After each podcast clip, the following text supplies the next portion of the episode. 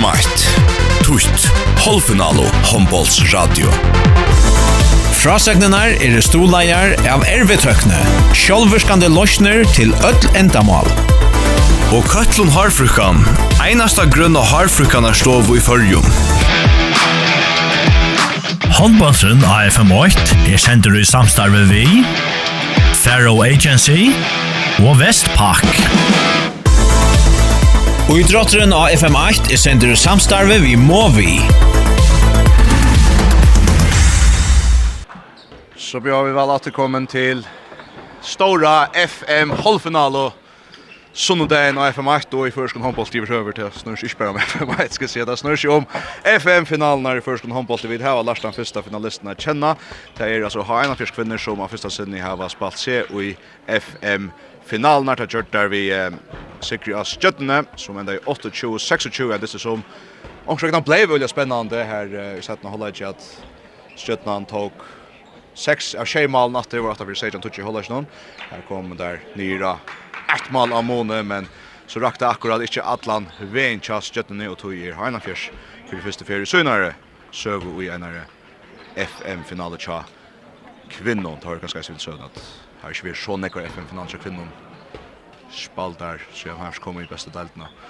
Um, nu er det mennene til han fjers som åksvektene skulle gjøre kynstre til kvinnen etter, og til som hadde Tim Klaksvåg, og her kan vi se at det kanskje ser for en vant der at at han fyrst han ger just det. Jag man någon tror att har vunnit nästan första distansera seras han från det 333 och det som vid var det i är då.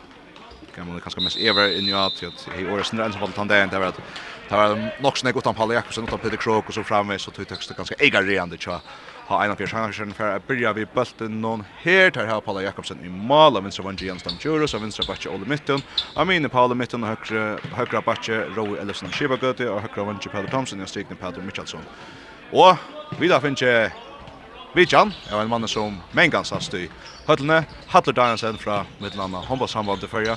Hattler, uh, jeg vil være gammel i 1-0 til Hanna Fjers. Klarar du oss framför men annars är det att detta ska bli en spännande styr? Eh, nej, jag tycker faktiskt inte att att uh, det har varit lätt att Tim Klass och det. Eh, att som är uh, har en av versli vi kan ska sälja Ola och Paula mitten till det att här här spelar alltid av någorlunda samma nivå. Alltså här har vi inte stor utsynsyn som också vanligt har man nu vunnit vunnit grejt. Men men men Tim Klaxus ska bara Røyna spela så spel och så där kör Røyna på backspelarna ganska synde bättre vi och så mot han så skora bättre. Ja, det är Jens Palmor som färdan fria mål av strik med Paul Jakobsen Störbjerg så går Gröller kött in med Peter Thomsen. Och David Henningman bjärkar i mål så Tim Klax Klaxer går framåt. Vi tar alla Tim Klaxer där som tar stentor David Henningman ner i mål för att att bränna Klaxer går hem sen får bollen så ganska på ett därför jag allvarligt vi tar på Axpros och här är Sakar Stotvik Sunnason. Stotvik Sunnason vänstra vänche av vänstra back är så Valentino Vantakovic jag menar Vukstevanovic högra back Samuel Chadrafletti och högra vänche Wilhelm Wilhelmsen. In i strykningen spelar mål i mål så David Henningman som akkurat nu för norskt järnbult som kommer från vara Roa Shibagöte och för skilten nu till korsen 2-0 till Highland Fjärs 2 minuter Farner Tim Klaxvik alltså som är ett av två mål som har vunnit av Heina Fisch i år. till gjort det tillsammans med VIF. Berlin har mäkna vunnit av Heina Fisch i höllen i här. För att kanske norska stocken här tack Schenka och i högre Valentino vi sen matchen och skåta för näga fram vi. Där för näga fram vi 2-0 till Heina Fisch all i mitten för bulten fram. Släpper han visen första likare och så skorar han Gör av Bokstavanders för helt jag synd, men inte nog mycket. Halda Ola Mytte och nu att det är ganska näga Vi får ikke glede av noen nekk langere enn i år, til også han skal til Svørges langt 18 etter kappgrære, men hatt det ganske akkurat her vi tar vant av å via suttje. Du tacklar han och sån Jack Korsne. Ja, men alle som ikke krinker och kjolter och kjolt en så stor och sterk spelare som som bucklar sig aldrig där han kommer i fer. Men jag jag jeg har ju hotlat att fylla sig syndra alla spelare tja Tim Klaxvik der där og och halvon står över alltså där spiller ikke chansen större att der, der må uh, er alt allt för tillvildarligare. Spelar vi Sheman i all upp nästan. Och nu är bättre nummer av Leiser och Heinan försöker fänka han tar först kasta mot Tom och Malnon. Men Heina försöker är bulten och ja, jag allt ser som sitt. Här har kört över när vi vi har mål. Jo kan man tar hött Paul Jakobsen tacka till vid någon Störbjerg Men det är inte ta samma sån som verkar skulle klaxa. Ja, absolut ja. Ja, Hörsingen vi ska koncentrera er och och och klarar listen, och och inte tog det till klaxspelaren Reisen men men men tar må vara synd mer 12 och och, och spela till större större målagar är där så då. Ja, nu är det Olle Mitten som spelar så att han nöjer stora möjligheter till att träffa fram ur alla från unga talenten hon här är bra. Aminen näcker ju högre så ruttar han så läser han när tackling och så är han bara fri i jökten och det verkar så där lätt att han skjuter den bollen i mål i isen. 4-0 till Hanna Fjärs 30 minuter och 40 sekund. Fjärren har alla tid i handbollssambandet tid här snökran AH och jag som bygger spänning upp om handboll och över AH han Då är det ganska förnäckat att gå att ta hem sen vinna eller Jess Horn i Avrik som tar ganska i börjar på här. Ja, så vid vånar så att det alltid att det blev rymliga tattedyster. Eh nu skorar jag Peter Krok så till 5-0 att man förra minuter och så så hetta ser inte utla för blåa så så jandes där men men eh, men nu får det nu får det såtja. Jag vill säga att detta Heinolfs lir är det bästa som vi är i i Heinolfs. Det är ganska kanske ett eller två li att jag har tagit ta Elias Värvi och och och så lyssna några efter ta Jonas och och Helge där var välmakt Arnt här för i landen som kanske kunde samlas i styrke vi hetta li det är dåliga gott li det man säga. Vuxte Vanvich För jag skorar taxis första Tim Klaxviks mål.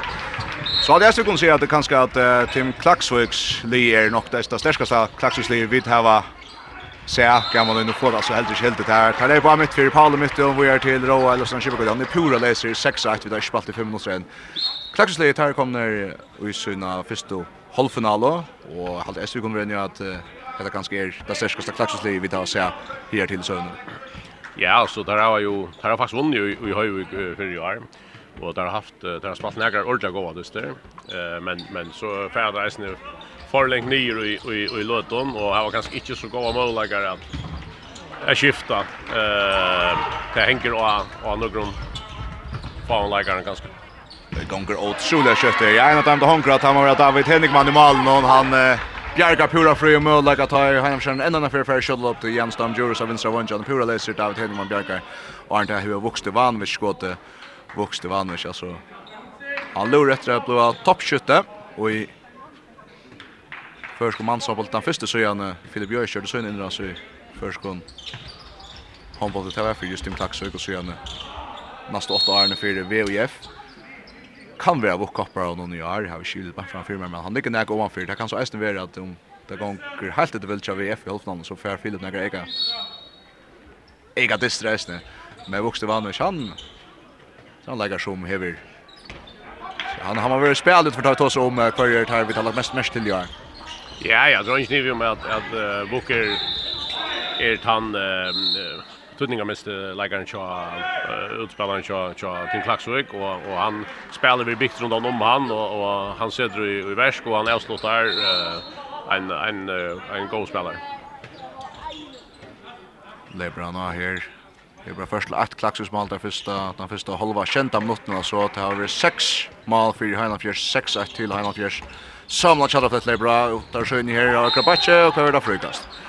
Det er frøykast åle mitt Först Perstekka samla tjata flett jo i Øst og Løt, og så tar Heini Hans här her time out eller like bra som då nu. Det som är blitt byen om man nämner det faktiskt. det var ikke om vi har sånn ta för alla. men jeg halte det er år som kommer in i förska handbollsheim. Eh, 6 mot 6 fjerde 6 minutter, 6 sekund konferens 6 et 4-6 är Det er et sin tavle oss. Eh, alltså där kaxen grötta oss. Ja, det kan man säkert säga. Alltså jag vill säga att uh, jag hade inte att att alltså ha en förs eh blir ju väl väl. Det vill säga jag hade inte att Timklax är är är helt väck. Där skulle göra sig sin vid Roma allspel kommer att större chanser. Och så är det ganska synd att förlatt eh tja ha en förs att komma till 100% Malmö lagar. Så där skulle jag stramma sin drop i varje person det ser kanske inte ut som att att uh, klakskingar ordentlig sikker på at han klarer kopphisen og Heina någon och och här kan man kanske heller inte eh, klandra där mun tror jeg at, tror jag ja, som, som vi så ger Heim spiller eller väl Det går håndbolter, och och ha øyla nekva spelare som kunde eh ge øyla nekva och eknar i hand. Eh så det är en, det är trouble men, men, men börjar nu kanske kanske att det kommer en sindra spenning i etter. Klaxin resten på den borste fra spela vi Sheyman i alla uppnånt av Henning Mann framme som alltså Valentino Valentino Valentakovic av vänstra backe vuxte Vanovic Amine. Amala Chalda av Ah högra Her Här Valentino på Henke och Kjota og och Paul Jakobsen går Bjärgink.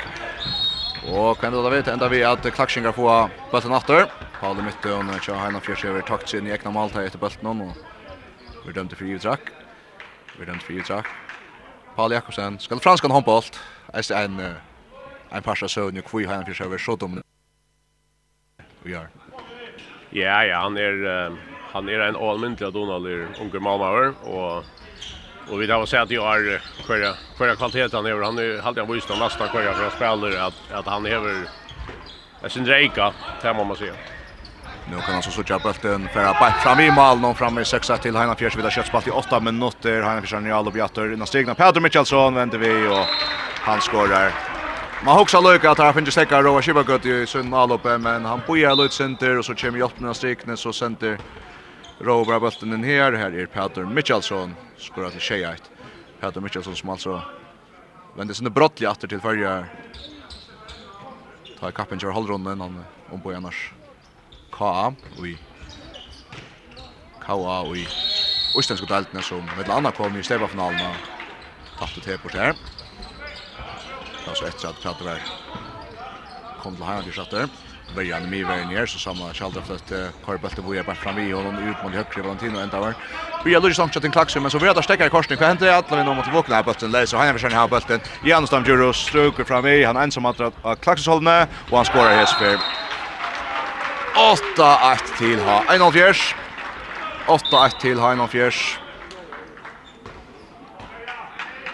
Jag också så Peter landslagsläkare senast, Peter Krok landslagsläkare senast, Palle Mittum landslagsläkare senast, Palle Jakobsen landslagsläkare senast och Peter Thomsen hever vere av landstiden för Korsten. Olle Mittum halvtid sa han, men han vant vid landstiden utan han var hemma. Så här är, törs jag se till, det är, det är så stärkt som, som vi då har sett. Ja, ja, det er et øyelig, øyelig godt liv, og et homogent liv vi greier grei og leiklodom, og, og går i verje, går i alloppe, så, så ja, ja, det er, altså, og det spiller faktisk opp til, opp til sitt beste på en jobb, det spiller ordentlig godt. Ja, der spiller øyelig vel. Der spiller øyelig vel her, som har han kjallar føtter, og han får fra Malin. Kjemmer han skått mitt for langa bulten, helt, helt nere vi, langer stansjene, Bøtter stekker inn, og så får Klaksjenga teka sina av initiativet. Herfra teka Boar mittunbrønner på sjurspelen. Paul mittun og Ole mittun, og halde hett er en regulær mannsferja. Ole og Paul, så er det ganske roa. Kibakut skal kipa spela, han prøver mot høyre tætja. Nå er det velverd, Palle Thomsen, han er pura leiser. 0-2, 0-2 til Ha en av fjers, touch mot Farner, Vukstevanovic. Fyra krossa Weird Jens Palamor och han får skjuta sin det beina vägen Paul Jakobsen vill inte titta bollen tøy. Så tvåde Paul jag längre på fram efter att så väl kasta fram Paul Thomsen. Och är man nej, han stöckrar ner i golvet och så upp under Ida John Fritchen. Ganska Elise, Elise skott i centrum tölja. Tutchen mot Warner, nutje 2 till Heinal Fjärs.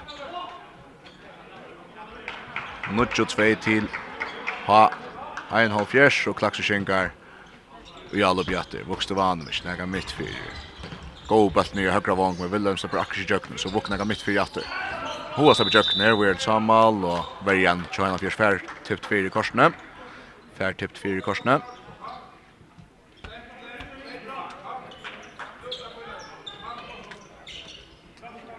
Och pratar Vissna backar Jens Palomor, ändrar vänstra backen och Valentino ute. Kör finns det rycka här i distan. Jens Palomar kommer lägga mitt fyra, vi är till högre i Vox så väl vi är högre vank, Willem Willemsen och han räkar Ivla Jarnot. Han räkar Ivla Jarnot. Klax skingar på helt inte mål här framvis. Nutch 2, 11 minuter farner, 11 minuter farner, Klax skingar fram fram och tagga Bæði Paul Ola mitten bort spel någon och så spelar Heina Fischerne 4 mot 4 här framme mot Klaksesverne. 4 mot 4. Etan spiller Jan tar runt här här Leper Janus. Dam Jursan kan mot vänster och Shiva går til takla vår frikast frikast.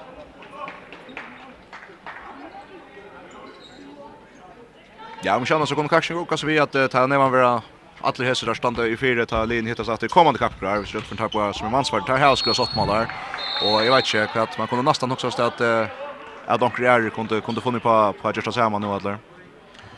Ja, altså, ja, Ole Ferry jo til Sverige, og, og Paul uh, Mittunfred til uh, Norra, og Paul uh, Jakobsen til Fraklands. Eh tar man eh, i halde allt som jag har skilt så alla för att mycket som så här landet matter och och man i chans ni igen och så och row upp för alla sidan skulle jag ställa och och och vinna i ska så Røy Røy Skibbergøtte som Uh, hever høveslagluten her i allåpnån nå ta sista bøttene bæg vera Mansvart, Mansvart og Permina for Sjåton er mitt fire, skåra vel det er sin ytlig støvne og så spela Keksiker rundt over Øla vel med Paul Jakobsen bjergar vi stør bjergjeng så fyrir Hansen fram og Mina Jansdam Djuros og er mal 11-2 til Heinan Fjers og så sen Steiner om han blir tja Jack Lakshin. Helt spelar också väl. Det är lite bulten vart Jens Paula. Han kommer goar timing in men Paul Jakobsen han han står inte fyra i korsen nu. Det är sen tog det spela handboll ta ta ta då just det rätta men det kickar lugga. Ja, trubbelation tja. Jo jo, men men trubbelation tja team Laxvik så man hickar efter ha en av vers så så här det några spelare som kunde vinna sina sina duella eh en mot en vinna sina duell så kommer uppbackning och så spelar där bara den fria mannen då trubbelation tja team Laxvik är att här har ongan som klarar att göra det. Alltså Vuk kan dock göra det men men men tar tar tar väldigt helt att skjuta utifrån och tar släppa omgången ända fram i och och chansen blir inte nog stor. För Vukva är en skjut utifrån där vi har sort. Där har har ett underskott runt över utan för några fram vid mål nästan 11 2 till Heinolfjärs. 13 minuter och 20 sekund Sinter den samma känslan man sitter vi som kanske i steva finalen med Scholvar här att ett av Sölle väl. Ole Mytten har alltid haft Det är ganska nära som mest för så jag mer mer honom nu stannar där på ett som tittar kunde komma ut igen och så langar bra till Schalver rimmar skott 12-2 till Heinolfjärs. Det är ju så att man vantar sig näkva som gammal. Ja ja, han är han är han är stark och önner och och han ska bara få till att ja men sig och växa och och Och så om några år så spelar han i Valesta och Allanslinjen och vissa vissa människor där fram och och han släpper undan skaven så gör det. Så Jens Palomar bjør av her. Nå må han til først. Nekko de høyre.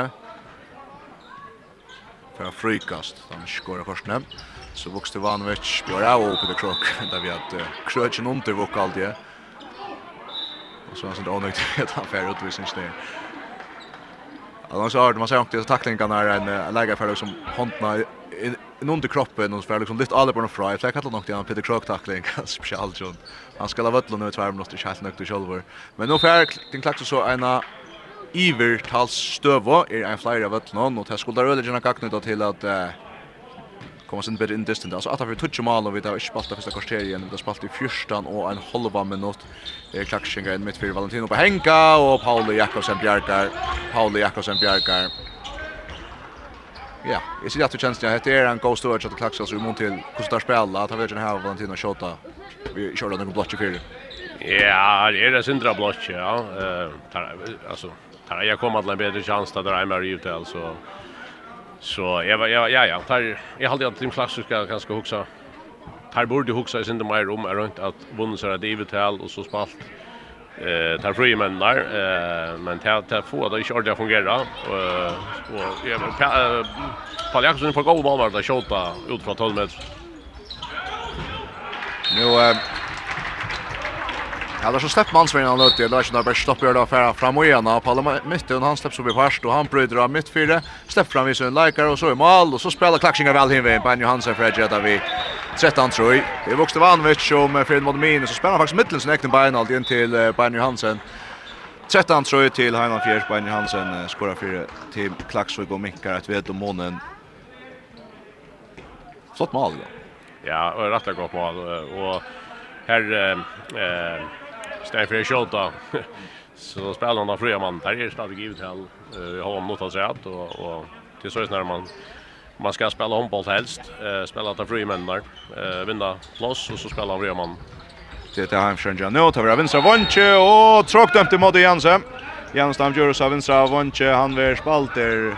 Det är sån all the brödra. Björra och mittfyrre så lite han om man av vånchen Jens för jöknen och Här lever han så bant til Krovia Wilhelm Wilhelmsen. Men det går ikke långt då så i bulten läser och i Kring Klaxus og Alop og Heinan Fjers Ferien finnes i fædre og natter. 13 tror jag till Heinan Fjers, 16 minutter farner. Ja, dyste någon. Det er sånn øron, dyste noen, ånder halvfinalen. Omförarmästare heter Heinan Fjers vann, det första var det 7 och 7 og 20 alltid fick det till. Ja. Vad ser det? I rundt og vero. 15 färre. Var det? Att Lin hyttast. Han färre. Sucha färre grundspelen. Tin Klax alltså 8 av. 2 mån Röndevert tre mån till Drammen är så vunnen mot Johanna Fjörsjär. Två färre. Annars är det bara Tin Klaxvik som är vunnit. Det gör det där. Vi 28-20 sikre. Och i... Det var helt till i kappingen. 25 september. Ta var Romer her i høttene minnes vidt och kanske ta vet lart och allvar att Tim Klax Atlas RPO ja, jag kommer nu i halvfinalerna.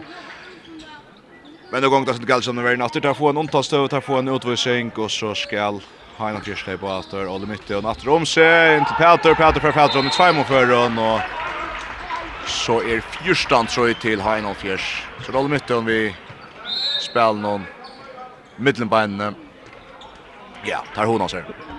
Ja, det er så kul att jag vet att gott sted nu nu er en har en final där Her, her var Nekve Iveskott och och och og Finnsemme och ja, där hon har sagt jag hade rätt. Jeg vant ju att da vi kom ut i Sydney Hall så vant jag vi färdigt så tycker att att ha en första skift där att jag Nekve ut det var. Ja va, rätt när folk har bunch med andra Adam som bedömer för jag kommer att vi så sen att kapgrar. Det var rätt att han Vi har vunnit stäva finalen og sier at dette er det sista. er det vunnet nok, har vi jo sier. Sier ta att det var nutjenda stäva serien, nutjenda stäva serien jag sett också över det. Fjörstan tror jeg til Heina Fjers. Og det, det ser sin det slukt den han stormar över han, han släppnar seg for parst. ja. Det er en annan mann i fyrjan og i Malmö. Han skal svara landen om Paul Jakobsen til franskan handbollt. Her er det enn ikke ågrätt om. Det er näst best eller bästa delten. Här har han lite möjlighet till bästa delten igjen alltid. Jan så gång över igen Chan försöker väl nu ta skjuta till Valentino Vincent Bacci och det skjuter så bänt i blockan här tufft mål och så oj så eh då sen lön stöva till Olle mitten han att kasta och skjuter så bänt mot träffar och räknar bänt om like knä ja Jens Palamori väl nu alltid Olle vill ha att det ska vara Biden som är så stön och så att man så sätter han också pinnas lite Ska ju stäcka för nekvar det Och i mitten akkurat det. Han försöker spela så efter allt utan spel är Vi vet att halvanna med något och tar på ett mål och mitten för att skjuta vänstra backen hoppskott. Tar på stänken här och så stöcker bollen ut åter. Och att Jan Owen Holver med något i färden. Fyrstant tror till Heinan Fjärs. Tre mål ja. Nu gång det upp för Det har spelar nästan nöjda mot tre mål i jökten. Tja. Det är tungt att spela. Ja ja, men tar tar kommer inte stora chanser och och och och Paul Teger eh det som där kommer vi och har väl dra bättre tål och och börja en större chans. Spela fyra större chanser ja. Jens Palmor för att spela om sig bulten läser och så fär Heimsson framåt där Poren som hade uppe i klaxskollen till Peter Mitchellson men David Henningman tackar till den Störbjärgen. Hajna Fjärsjärn är färra för att få bulten att vi inkastet. Så bulten stöcker ut av bulten. David Henningman. i halte. så lägger sig tås om kanske sälja tant distant att det hade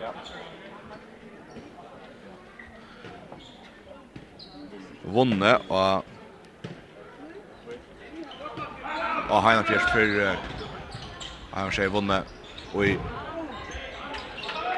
hei vunne og at hva skal vi, nå sier skal. Tim Klaks har vunne og han har fjert her og i høyviksøttene det er også nekon David Henningman til han legger som og tror det går her vi er støvun men fær ikkje ordla just nega vi til at alle branchen har slipper oss ikke i jøkten. Heinak er svære nå, som hatt å si, tar i jøkten, så er det Paul Jakobs stender fire. For der skår et utrolig godt mål ved Paula Mytto. 15 trøy til Heinald Fjers. Paula Mytto med standardskåd mitt fyr Han så langt opp i målhåttene. Klaksinger fra framatter. Og bøttene leiser. Tar tveida bøtten borster. Og Heinald Kjerne fra framatter og er mål. 16 tror jag.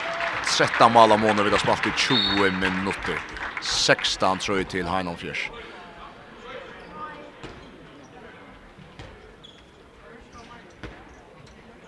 Ja, tar är ju pura ärende det så Ja, det är där og, och Tim Klaksvik-leggeren ner i förna att og, och och göra onöj var tekniska tekniska misstag. Och ta modar ena släppa sig runt då så blir det for straff. Det kan nog. Så kom Samuel Chalov till han Björra och in mot batchen här Olle Mitton ständer och Samuel vinner sin tvådest. Så är 16-4. Samuel Chalov till fär mål där. För han fjärsan är framåt där. För han fjärsan är framåt där.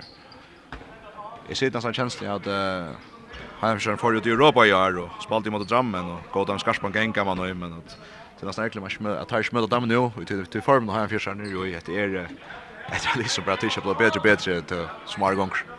Ja, jag tror inte ni vill med att uh, Olle mitt var ju äldre vi tar han så så drar inte ni vi om att att ja, men men drammen är det nog ett. ett gott liv. Där fick det sen känna Hausinger hade sen får till drammen. Sinter super till den spelat han distan. För Ban Johansson har strös välja väl för Fjärdra en läs om till Aldi som kommer in i motorn för Fjärdra krökt han till sig och så får han vänta sig får han själv att ta brottskastet här han vill fälter här efter. Bainer Johansson i mot Paula Jakobsen. Och Bainer skorar. 16-5, Heinan Fjärs. 8-16-5 till Klaxok Heve Minko Månen. Att lite vet 8 minuter efter förra hålla inte 22 minuter far ner här och i sett nu FM halvfinalen i mitten Heinafjärs och team Klaxvik. Ikke den store spenningen team Klaksvøk, søvelig dyster, uh, halde jeg lasse i någon at uh, Bæ Skjøtland og team Klaksvøk spalte halvfinaler, og det måtte være lengst igjen at man manns og kvinne håndbolter i Klaxvik. spalte så, slö så store dyster, og Skjøtland gav så en skarsbank gäng. men uh, onker rekna må um, nu klaxar sig grejst minnas till att det här att att hålla fram nästa år. Och att eh, Arjar hever som helt vär rätt gott. Ja ja, det är alltså det är en klassisk att gott Arjar här är ganska oöppnare mot att ha ena för så i i halvfinalen men men så när det här.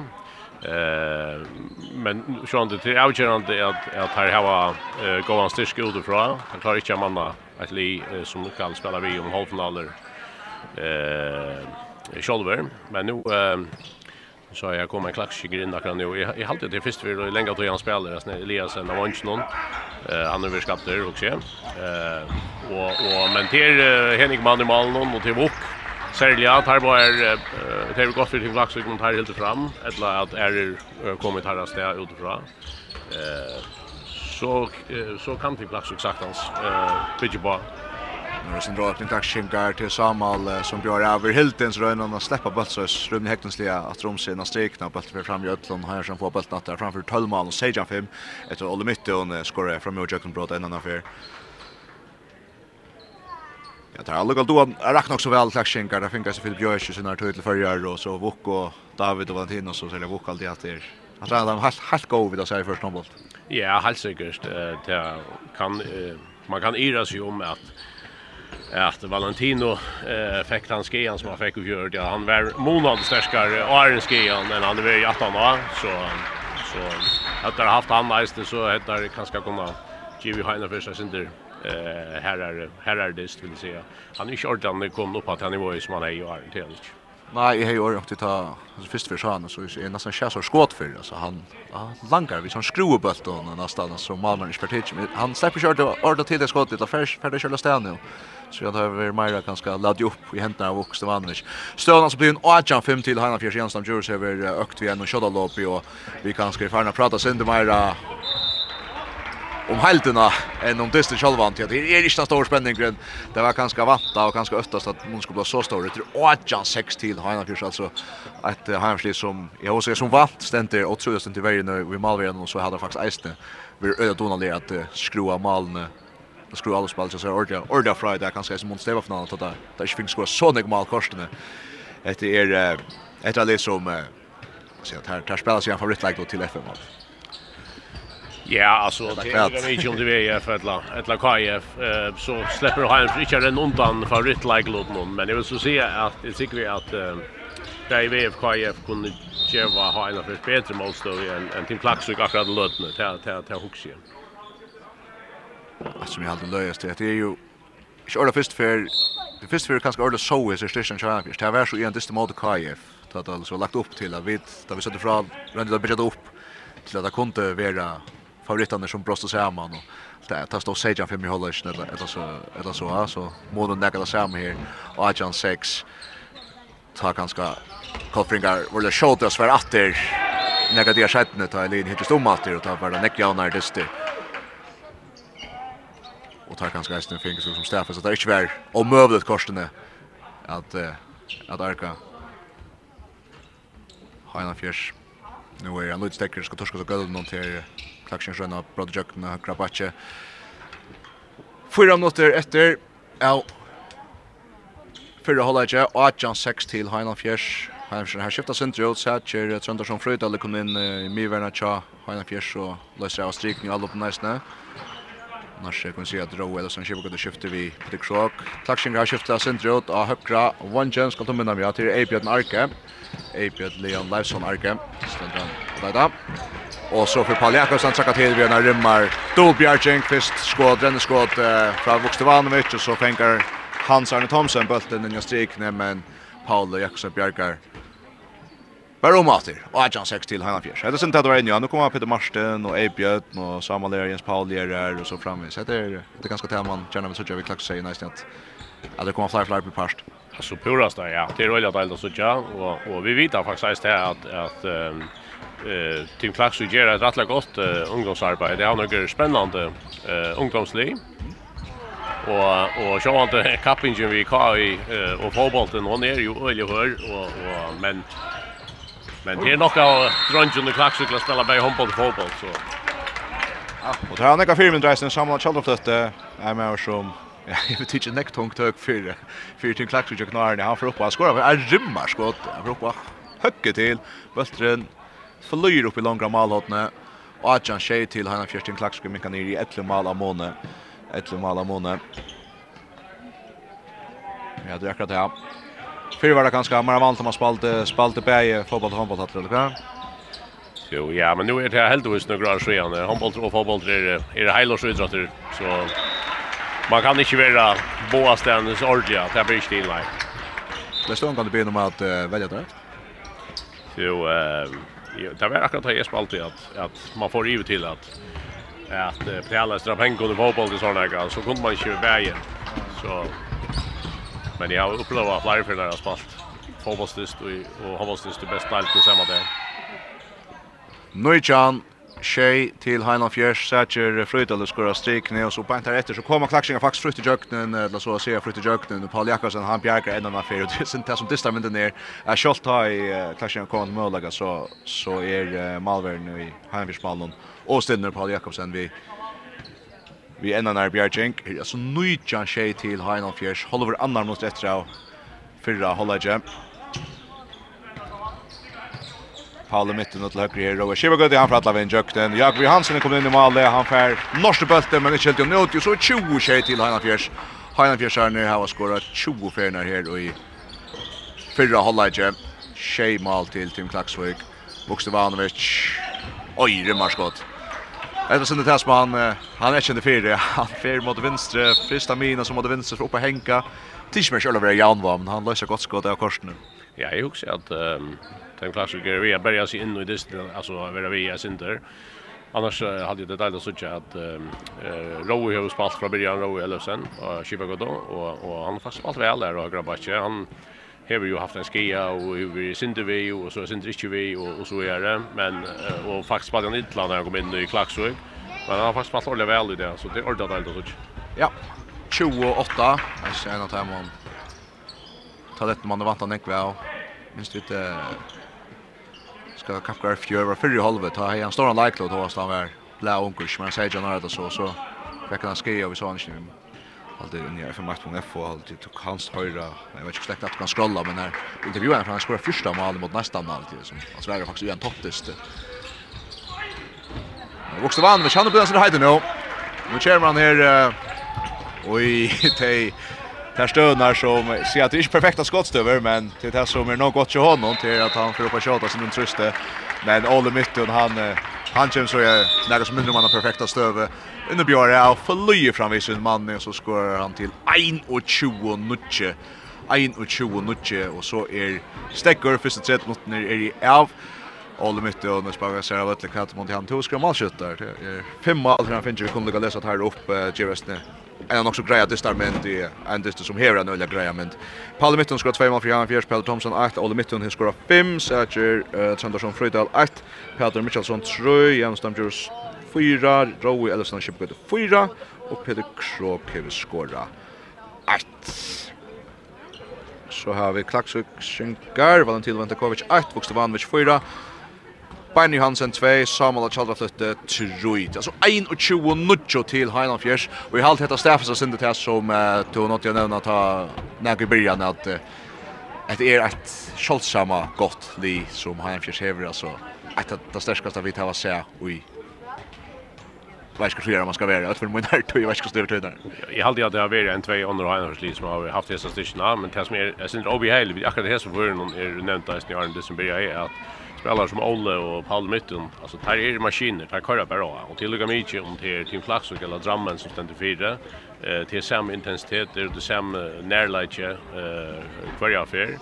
Och tog kan såna agenda som är där eh man man känner det här typen som ganska ta bara gånger eller väl så så kanske slacka man sin dräv och och det är det ligger körda till hästar för där och och tog blöda som det blev nu Eh men jag vant att ta att jag ska ske att här starta så att någon like men jag vant att här kommer inte att spela något så att någon like. Det det tycker vi inte jag vant att vad diskuterar vi skier och så vidare men i GT att vi förra så tjau eh är alla nu vi vi så att någon like och ha en ordentlig det vant. Jag ser att jag också här är landsens för framan så näkra där ska kanske är inte sätta inte sätta några våra för vi måste vi måste att här ska vi helst vi att det är till det att det här är eh rymliga stor måste. Kanske kommer vända sin rätt lite här i sättna. Hålla inte. Det är alltså 21 nutches. Kjolsamma stora månader här och igen är FM halvfinal och 21 nutcho till Heinolfjärs. Efter första tredje vi vill att vi tar oss 17 30 minuter om om ena lilla lödet. Tack för först. Så är vi där i Höjvågsötlen till Sättna Hollaik och i sättna FM halvfinalen i mitten Heinefjers och Tim Klax och vi halte vi tåra säga på nu att uh, ta vera inte flyer inte på med Lens Leni Hamsh alltså 8 21 touch det står 1 touch i hållas någon vuxte vann och skorat mål. Så är det till klass blir rummet väl via Jakob Johansson helt sagt till vinner stora stora Bjarke kan vinna vann nu annars kunde vi se att eh, här skulle vi se att eh, Olle Mikkel spalde Janus. Damjurus öle väl uppe till stöven men Jakob Johansson vill Störbjerging Det var så stokkot glädje till att bulten stöcker till här vi skär ner och sätter Fröjdala strikten för Petra bulten och skorar ett andra mål. Det till 22. Tucho Fyrir tøyna ta journalistar mest skriva, så sånt är ikkje nekka skriva hem om. Det är det kanske inte här utan till att vi hava ulja nekka flotta från fra kanskje selja Ole Mytton över att det där var en frakt om från Paul Mytton allt kan citera Hattler. Maskiner eller så is. Roar eller så skiva gott spalt väl för hem schyssta. Och så klaxingar. Vi låter när vi svar fram. Jag spall Mortons nu han. Ja, för att få vinna så här broadcast här annars skulle han inte se men han trackar om. 22 Tutjoa, 22 til Heinon Fjers. Tvær minutter farner. Og et FM enda spill uh, er altså byrja, det er uh, og et FM enda spill som er smitt av vera sinte vån vi hever uh, nu fra klakshinga brenna brottskast loppa da av ivledjaren og da hei list og her og feirer og han tykker ivledjaren faktisk som kommer mitt i landstidstetsen här vi har sier, og här han skiftar sönder ut där på i Hansen kommer og högra Vong, han ska Hansen och högra bak efter han kör ner och så Ole mitt under Paul mitt i sinne, Jens Jurus framme i sinne, Sætjer känner som fröjt alle stycken er ganske Sætjer, hans Kario Boyer här som man kanske inte ser spela så ofta. Och så är det ändå Veras Ardam i Malmö hinner litt ofta där Ole mitt Jakob Hansen han han blir väl där kommer in och i klakkesmaler, Bjarke Atre Ølja väl kan få klacksingen på sjur här för fest Boja sen tveit två parts purasta borster Valentin tar henne, Då är det Orekar och han Sky Voucher här efter. 2 och 20 touch till han fjärs. Alltså det FM då spel som vi kanske inte van vid nu och kommer och blir Oreka synte bänt av vi landslagstecken och så framme så jag kört alla datorn där men jag husar att eh Näkros lägger så så här där och annars manslands i över kan vänta för till Tysklands att spela i Kiel och där vi så spänt i mittenfinalen när vi ska skriva Hattler spetter till till Kadir för framan. Ja, alltså det är ju inte nytt här. Alltså men när allanslika mannen ska spela en playoff test mot Tyskland, ju man släppa till HM. Och och det att spela om man släpper till HM är ju fram, framur uh, störst och så att släppa spela mot Tyskland som är en av de allra allra främste handbollsshowen. Det är otroligt stortligt och och Jag vet inte, det är rattliga, rättliga avbjörande. Eh, men jag nägra att hem som är här, alltså, och, och har en förslinn om eh Paul Mytton och Paul Jakobsen och och Peter Krok man kan räkna med att Harvey vi vis eller ta tar liv ju tycker vi stannar annars är klara så så det är väldigt spännande att chatta om det att är rönar till Tuskaren kommer ästna här, klart de minnast uh, slukar hemma dist, så näka som matar sig vi, alltså jag också att det är det största. Ja, alltså Tyskland uh, i Höllen Hals, det är det är inte nästa större och och Och vi tar var ju utgång mest söl och utgång mest och och det är helt tydligt där folk alla sällt han i aldrig då sett utan att just sälja några broschyr i om av 800 utgång mest så det vill garantera en fullsatt hall eh 1600 åskådare så det vill otroliga stortligt. Vi vånat här att vi kunde komma ur ur Kiel vi en Luigi Durslid så snart att det stadvikarna handbollstistet att det kommer att höra. Eh så är det fantastiskt. Det gleder dere nekk til, det er pura visst. Og Norstern har just hendt rundt oss, og vi kanskje ikke stå som tatt disse som i gang. Til tog igjen i kjeves, tenk å passe. Her er 22-22 til Heinald Fjers. Vi har spalt i 25 minutter av Sedna Holleidje, og Heinan Fjers er nu heva framvisk. Først skal takk om nadisten, høtta Eisning Klaksvik. Tar hava beina lei i FM-finalna for å møte Anna Kvørst VF eller KF. Derfor at vi vita møvlig kvöld og møvlig uh, høstkvöld, ja. Alt det er spalt retortisk om det, så vær. Her vi er for det beste korsen i hånden. Sergio Frödalein som uh, ganske ikke skjuter så ofte. Han har skåret tve i det aldri. Han er for at uh, få chansen att bränna. Rymmer vi er så Jakob Johansen. Jakob, hette er en spær som kanskje... Vi så han sen till Heinfors alltid i eisen. Ja, han er liksom värre rundt om best alt inne grar. Ja, Jakob er høyvikinger og er oppvoksen i Heinolfjers, og, og Får sån klassiker ju är eh över kan man säga över andra mål med eller över tre mål i Höjvik så så till utmärska och han har spaltat sin tur han han stäjer det väl här nu i i det här till. Jag ser fram emot just vet att det är Boy Hansen som kommer jukt ner och högra vånche och skorar till 23 touche högra vånkren som med andra eller känner jag 0-2 landslin någon eller så är det är Jens Marsland Samson kommer in. Sannlega som vi da ser, avår, men ikke nekk vi er. Kjemna Kipa spiller, spiller sammen Jens Palamora, vinstra Batje og høyre Batje sammen av Tjaltafløtte, og så er det faktisk mest som bare lokale spiller til till Nastik ner Janne Eli Ragnarsson så Jakob Johansson Sjön till Urhöjvud i Malmö. Ett av svälja klatschen gång tar mycket om månen nu tror jag touchen nu tror jag 11 här och han fjärsan fram framåt där.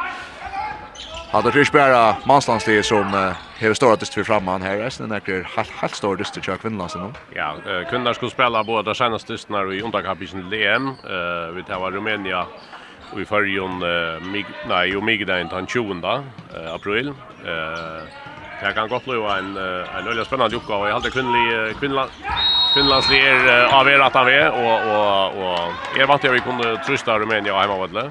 Och så skulle det alltså Nil Danmarskar och spela 3 april och ta råd om att att vaska ta öliga kälja till happy hemma mot Danmark alltså. Så så ta jag dock nästan nu den till ja. Akkurat halt det. Oj. För Hans Kar Hansen att det flotta sig. Det är inte några minuter han fär långt och Amansen Cha Heinafjärs Hans Kar Hansen har en neckvara batch. Uh, kan se han är så mycket gammal att Espalde vi ändå tar var yngre. Han uh, ruttlar sig läsa med en flottar 50 och så lankar han bulten på ni här efter att han uh, fotar sig alltså inte. 4-2-1 till Heinolf Fjärs. Hans Kari är den enda slagaren som har blivit vidla vunnit ett mästerskap. Tja Heinolf Fjärs. Det första i 2000 och nutje tar hur han värre. Så spänta line 20 år gammal. Helt fram en det är ju bara så gott han li att ha såna män till att alltså så ser hin är det kan undrast. Ja ja, det är ju inte att att kunna lämna sig upp på den läggare som som honom och och och alla banda sam och Peter Krog här här hjälper sånt där långt där ger Linn Rickard och ju ju inte.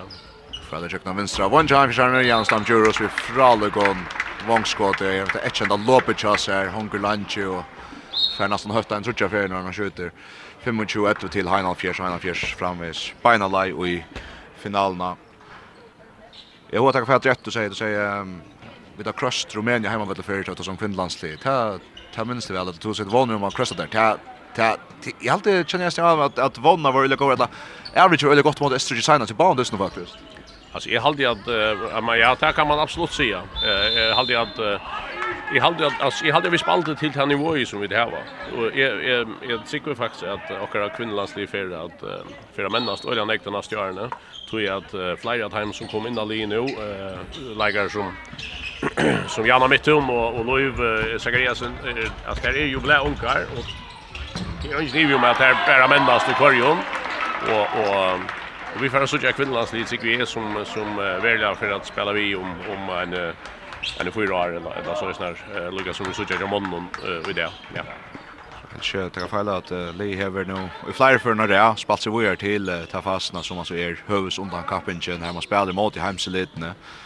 Och Säljas. Att det är inte smart Rumänien här och det här var för hålla kvar till att villas se så här första tid just det tror jag inte Ejon för jag var framme för mot Rumänien som akkurat blev nummer fyra till HM alltid faktiskt att ta och för jag krossade där gammal och manglat svärd så stöttna ganska men Det var öle stort rätt. Pratar med andra vi svenska lag rum rumänska landsvänner som var Sverige han han var rätt imponerad vill jag säga. Så jag synter synter onökt med sina egna läkare ska så jag helst så se. 6 och 21. Det är också en man ska till ta nu förra för att spela i mot Tyskland. Det är en öd EU-makt men spurt Kjartan Johansson den dagen och säger akkurat som ska möta Tyskland och i en sån distans så så är det ganska gott i nu Tyskland är så man man väntar inte så det är inte men tar det sig också upp att det faller. Ja, jag hade att uh, vid förrän skulle anså eller var lättare att att jag lägger några favoritlag mot att ni själv var. Eh jag vill ta sig att eh om vi tar alla man stökar och och tyskarna kanske taka det sent lagt på uppgåvan så kunde vi säkert arga där den låter. Ja, det var inte faktiskt det kunde. Eh, kan vara vånar i andra Börn. Vi ser goda lärare och Elias och och vi får eh, varje mål varje att eh att att rycka så så kan man helt säkert arga sent. Ja, det för en vånen, men det över. Stort att man försöker är då tustöd nu man är entist från HM och spelar mot i hemseliden. Ja, det är ju fantastiskt. Det är det som vi där har snack om och drömt om i i, i Nekvar. Och vi som Sean det fyllde jag handboll eh där var det vi vi då var vita att att vi förra styrkast och blev bättre och bättre. Eh och och till och med ju med att, att han gången som är sett igång nu hon hon kommer hålla fram och och vi får alltså inte vi får söka för Skalansli som eh, som spelar ända spel eh, Berger Kund och Monnon och mycket så länge att och och det är ju andra som vi glädjer och nöjer näck till Eh vi har ju ett öliga spännande lodakast som är till EM nu i i i veckan så så om det är långt tag vi för att lastfärda vi för att, att spela om att att, att släppa släppa vi lite till att det ska ske men men vi det är längt veck. Det är så 31 mars klockan 5 alltså där står här och följer som vant. Ganska styrspel 24 Annars om tid just att tända så är det inte givet att det efter Heina Fisch mot Klax det är bara här är distance så så i sen där han var lunch och han ska komma åtta vid fem malen på ena vägen så är han bara ökt här alltså 28 11 till Heina Fisch mot Team Klax ser jag samför annars där som är hämtat hans lötna till kanske Jakob Hansen har haft några stora bjärging och Heina Fisch här nere här var busse väl fram kanske vi sen där av Ega följt sig i mån till vad det annars har spalt vi Vi ser Bo Hansen, Fincher Nekv, Sjödalop, Sergio Frydal, Nekv Miver, Nua Strikne, Sveiner Olavsson da samme. Og så er av vinstra vondtje etter Jon Skålom Villen, Mishanait, som er av vinstra vondtje, og til som du sier, fram Fransplassen i bretten i Høyskjengar. Ja, nu är uh, Paolo Fernandes sätta snurra bara Oli efter av Timon som uh, starta av Odysten. Eh och jag vant kanske att han för att sätta sig ut av vunchen om man har löten. Eh men uh, Men det sitter Rowe har finns ju också en bein, jag vet inte om annars är han säkert in i mer. Men men det är gott att jag såg att spela spelar vi bredden och och och att han lyckas klar halta halta nivå i någorlunda. Klaxing guys har skjutit sönder ut i det ganska sönder mer tar vi vänner Janne Ragnarsson och vi finns några toy och så Jens Marsson Samson kommer ju åter här. Eh Ebjörn Arke Spalten Sinter, Peter Marsen Lesen, Spalten han lød Lottuk Sjonsson i kombinator 28, etter altså til Heiland Fjers, 13 minutter. Farner Svein Olasson er av vinstra batja, sen leikar som han kanskje ikke ser så nekk vi er, kanskje mån til hvordan står han leikar den hei enda spelen fjør.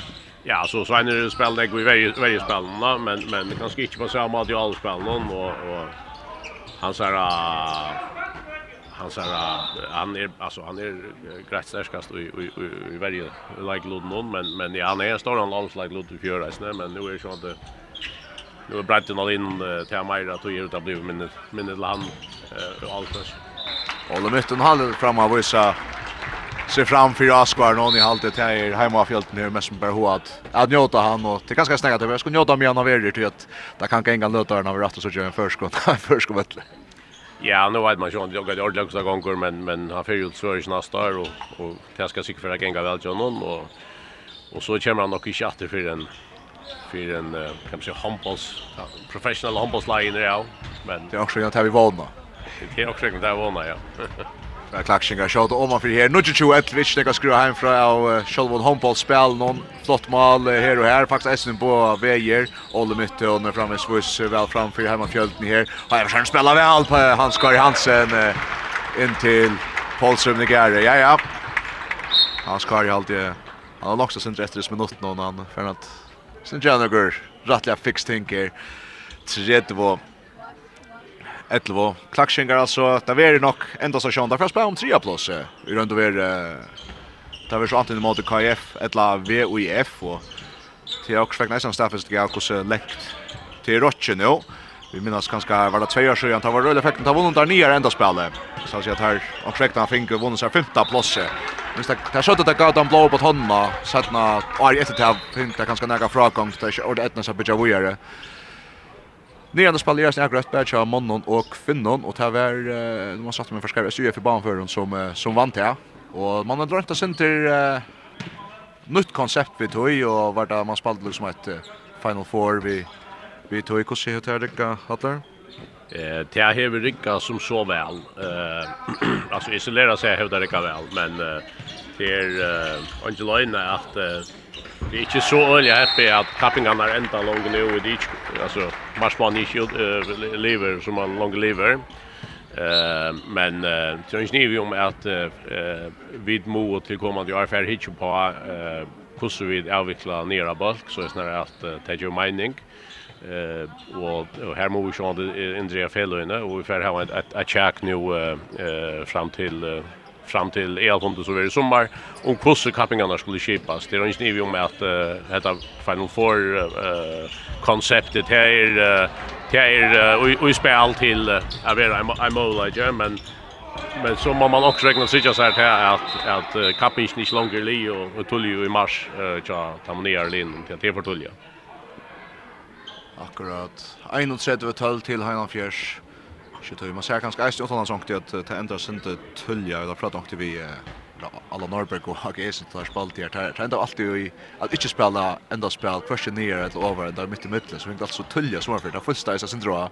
Och så Kerstin Johansson när han säger han väntar jag få så här tulja som för till att han väntar att kapkarna utan när så säger halvpis skulle tappa det som inte just så gjort det inte så nu ska han jäkla ner ända spel och i Sverige här. Annars har han haft sommarferie nu säger han. Eh her for Jakob Johansen applåer vi at uh, viser seg vel fram. Han bjergar brottskastet fra Patrick Thomsen fra Sindrilt. Det skal toucha seg høylt etter spølt nå. Alt det han er ok.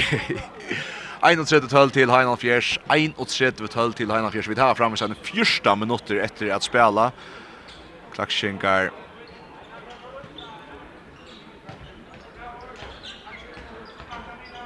og at Jens Morsan inn av min her også. Ja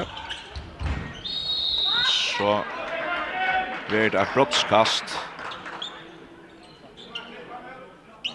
til Era Peter Marstens som er bra her. Ja. Brottskast til Tim Klaksvøk for Ludvig Sjunasson at hekka. Og han skårer vel. Heknenslia framvi. Han skorar Heknenslia framvi.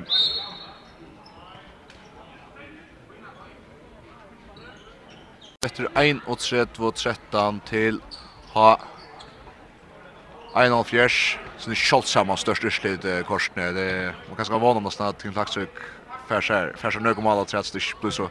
Jag är mest det löjt, jag är inte vad menar eller? Jo jo, men det är det är det är det är väl månaden nu där. Så det är nog mer att så skorar. Eh John Skål om Willem var där. Nej, det är fel där. Ganska jag har faktiskt inte rätt att lägga listan. Ja, Jon Skål vinner skor. Ja. Ja.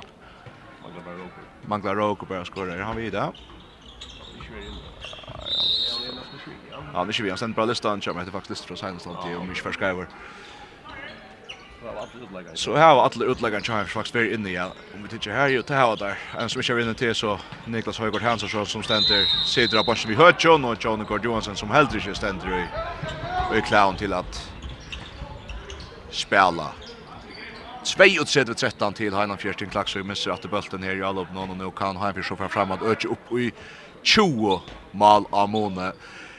Vi var vittne til uh, en kvinnedest her uh, til Brottja gjør det spennende jeg vil si at kvinnerne til Heinan Fjertin var 8 16 touch mot stjøttene og etna så stjøttene kom ned av minus 1 mal halta finger minkan i halta 22 22 og 24 23 men tatt han til kom der omgang det jo enda så vi har tappa 28 26 så her vann 28 26 Ehm man ser att här då går vant för här Chima Field att man skulle få en slugan kvack efter så så där fick men till kvinnan där. Nu spelar näka till vinst här i skulle köra gå hem där vi skulle gå torska golvet någon mitt fyra på som Jons Kolon vinner att säga det på han i vinst 2 och 3 vi 2 och 13 till Hainan Fjärs. Hainan Fjärs Sen då det är en halvfinal här pura första. Det det känns som att det Så det är absurt. Jag vet inte, jag vet inte, jag vet inte om om vi kan mal på med så läs så att att Stishmon ska vara så stor men det var också när bara ta hatten av av för Johan Fjärs så kunde hinna fylla en bara läsa till att Olli Pauli och Pauli och att hinna från landet. Ja ja, alltså det är ingen ivi om att att det är glädjeligt för kan handbollen så att nivån kan vara så högt som det faktiskt är körs nu hela tiden.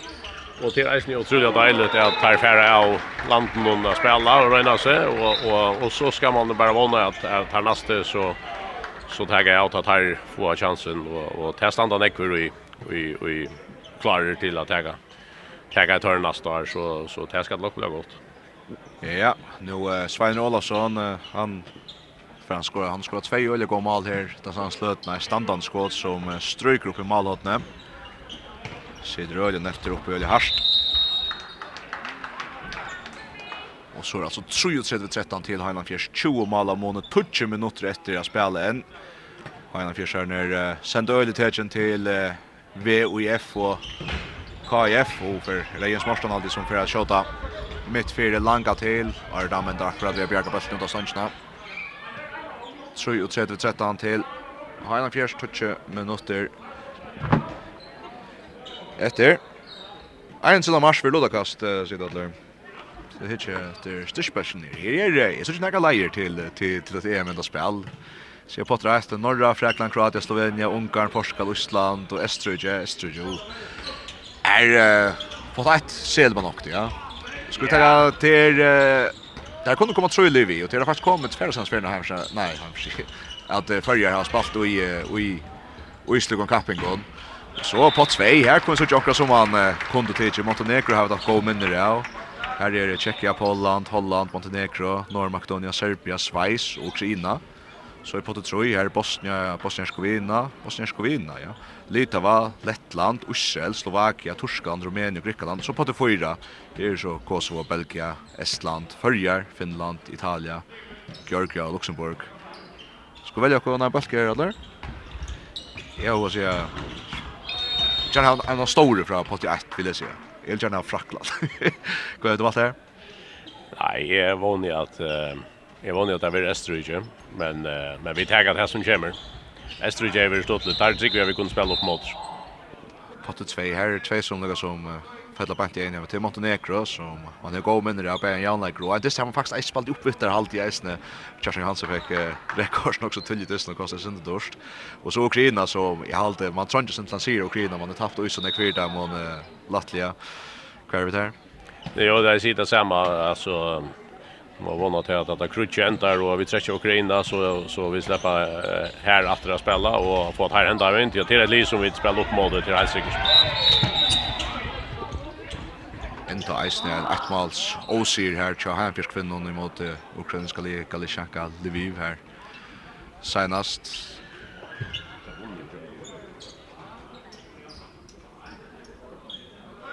og her var så vunnet mot Gran Canaria. Akkurat nu, ja så det er akkurat spalt halvfinale men det var så godt at det var at jeg kom til å Här är hans grej i Hörnsvall om att man inte har helt nökter vid att vi kan se allt för fram. Det kan allt läsas av nätet och du kan finna henne fjärs av Facebook och så är det. Härmalt grej vill jag säga. Och har vi det läsa. På hittar jag jag alltid hemma sin tjej henne fjärs och framvis. För Elmar Jan Hansen och Kari vinner av Mart och är av stan här skriver att här. Vad tror jag? Här blir det så ut till som vi gärna vill ha med och vi är så att Lita har vi har vi tappt nog så äckliga 4-4 och Lettland här har vi så akra boka så quiz på att hemma. Ja, absolut. Jag vill säga Lettland är är på här i Flyerly. Rumänien och Grekland är kanske inte det som man inte är, men alltså jag tycker vi spelar upp mot uh, vi vi spelar helt säkert upp mot Ödlund hinnon eh och, och ja, vi spelar ju upp mot Grekland och och, och Rumänien. Och Grekland är är nog kanske starkare än här har vi det. Men eh Alltså, men det är avgörande. Det är man för någon gå urslit och man kan komma upp efter i i i sidingen. Ja. Ja, det är nice latar. Jag känner jag sen det hitchet måste vi borde vara i Potsry. Ja, det är det är hooks ice men men vi har ju inte just här urslit som skulle till men men men får det gott låta kast så är det en kniv om att att det får vara spännande så om vi klarar att Jag spelar också mittel till 2 eller möjligen tror jag som kommer att göra. Det kommer väl eh tar fyra bästa tror jag att det är åtta bulkar och ett och två för att göra och och tar bästa fyra tror jag för för reisen till EM.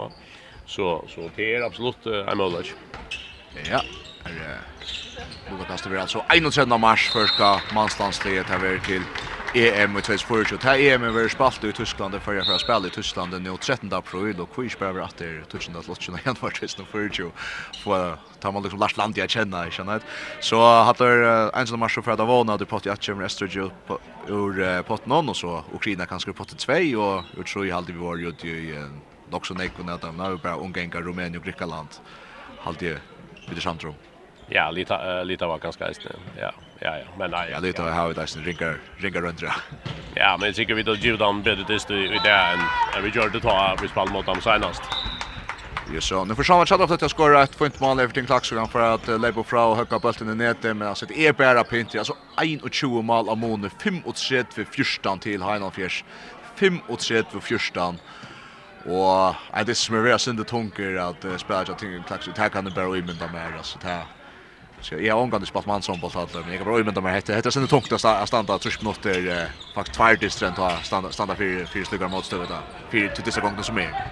Ja, men det är då och och tar hade ju väl Svalna att kunna ge Heiner för en skarpare gäng. Och och tar man i vånbrotten och man spelar mot en lie som är har flera strange spelar på så så kan det gå då så drar man med. Eh men vill så se att här att vi snackar om att ha en affär över över spalt vi kan se nästa räcken om som man säger och och i i satt hålla inte det över Tim Klaxvik för så där så vi där var så Berlin har har har brukt bredden och och och det får inte så att att att att Tim Klaxvik över ja ja att det är nästan är en en och och David och och Valentino eh så akkurat. För här sen efter få möjligheten att strikna när det kvasse bultar innan strikna och så här Tröndarsson Fröjdal väntar sig kvickliga så långt tid när jag har bättre först sig. Bulten stycke längt upp i loft och tar loftet.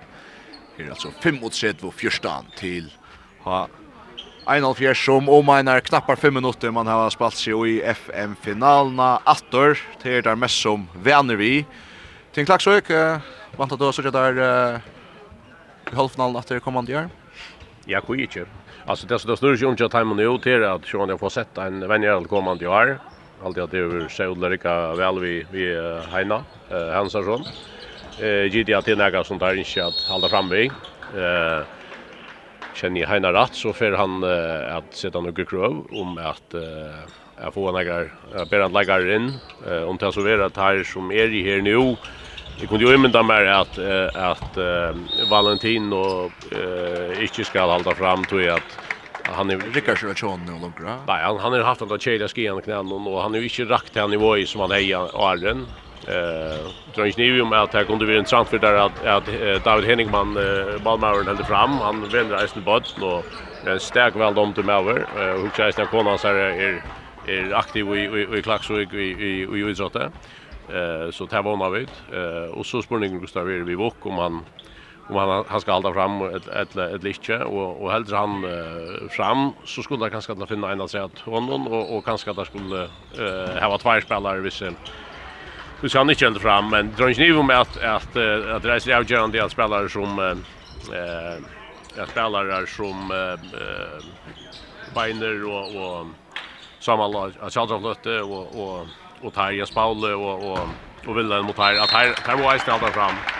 Här är ju handbollsspelare och så vill jag där Ronko kunna styrsta och blöa starkare starkare och och så inte nu är är han själv kommen in att och i det jag också känner för ju här eh Peter Marsten han är ju en fin handbollsspelare och hon så kommer kommer alla kanske bollen och i klaxvik att att att hålla fram och så få några goda ut utifrån så så skulle det sagt han skulle blanda sig på i att nästa år helt säkert Akkurat, alle det vil frukslut, at se et laksesli og i mannshåndbolter just right after, og for en og kjørser når jeg får en mødlager framme. Ganske det som er mest avhørst, at han har ikke sagt vi har en forsegjen til, at kanskje Svein Ålasson i ferden, at Kjølland og Grølle gå mal ut fra, sen Hans Kari Hansen kanskje også vel fram i vi nøkken innspølen og omkring 15. Det er kanskje ikke så sånn ikke langer nå. Og er det damer som du Det är en löj, han sitter nästan bara på matchen, men han kommer in så, så han, han kommer fram vid öljen den går bjärg och korsene. Level drar klackskikare här. Jens Morstan, och så... Så Eibjörn för att utifra, högge till. Ari Bjarkar och Heina Bjørn få bulten. Heina Bjørn få bulten. Två minuter efter det här, knappt här och i Høyvøksøtlene, Heinar Bjørn 8-6 och 3 vid fyrstan, och Jeg vet ikke. Her er fra Tveilig jeg kommer vøtlen, KF og VF sett i det, og jeg husker, jeg kan ikke stå for til jeg ikke tøymer at jeg fyllt vi som dist noen til at og fikk nesten det reant i eisene. Ja, alltså jag hade att att man ska tacka till vi i att att som vi då var inne i flyer för att det är ett hina fish det som är öliga störst väl man där där spalt i otroliga väl störst där. Och där hade ödlina i kapingen haft haft en trubbel ikke bare til Klaksvøk. Eh och och så är det inte att man ska lägga så eller näck mer ut från Tim Klaksvik så så är en en här att deras spalt mot den öliga stärskon i. Har dam han Här vi hur sig han kör det så inte värre för för klaxingar nu och jag är en annan för fria stöv så för Paulsson Gär här vi han skorar till tjej ut sitt på första tjej och tredje första. Vi tar oss något om landstid här idag och man kan nog ha så var det så att först manstans som blev hofångt med landet var scared den affär och det ska vara han tycker smajt om att ta Acha Malo men ta var stad ta var framvis en början och på och på näka som och näka störst så var han inte färd och shot man fick en fram och av i först så så så får det brakt också kött att han att här kunde också väcka och sig vi Her er 36-14 og dysten fer at enda. Nå, hadde favoritter, det må være skulle bra ta det, Heian Fjers. Her tar fra hverandre nok stå for rytter i en her og i en FN-finale, noen mye kvar, kvar vinner hina i møtten ved FKF. Heine vil ikke mye vinne så gratt i FF FN-finale, men, men, men jo jo, Heine vil ikke mye takka favorittlag Lodnase.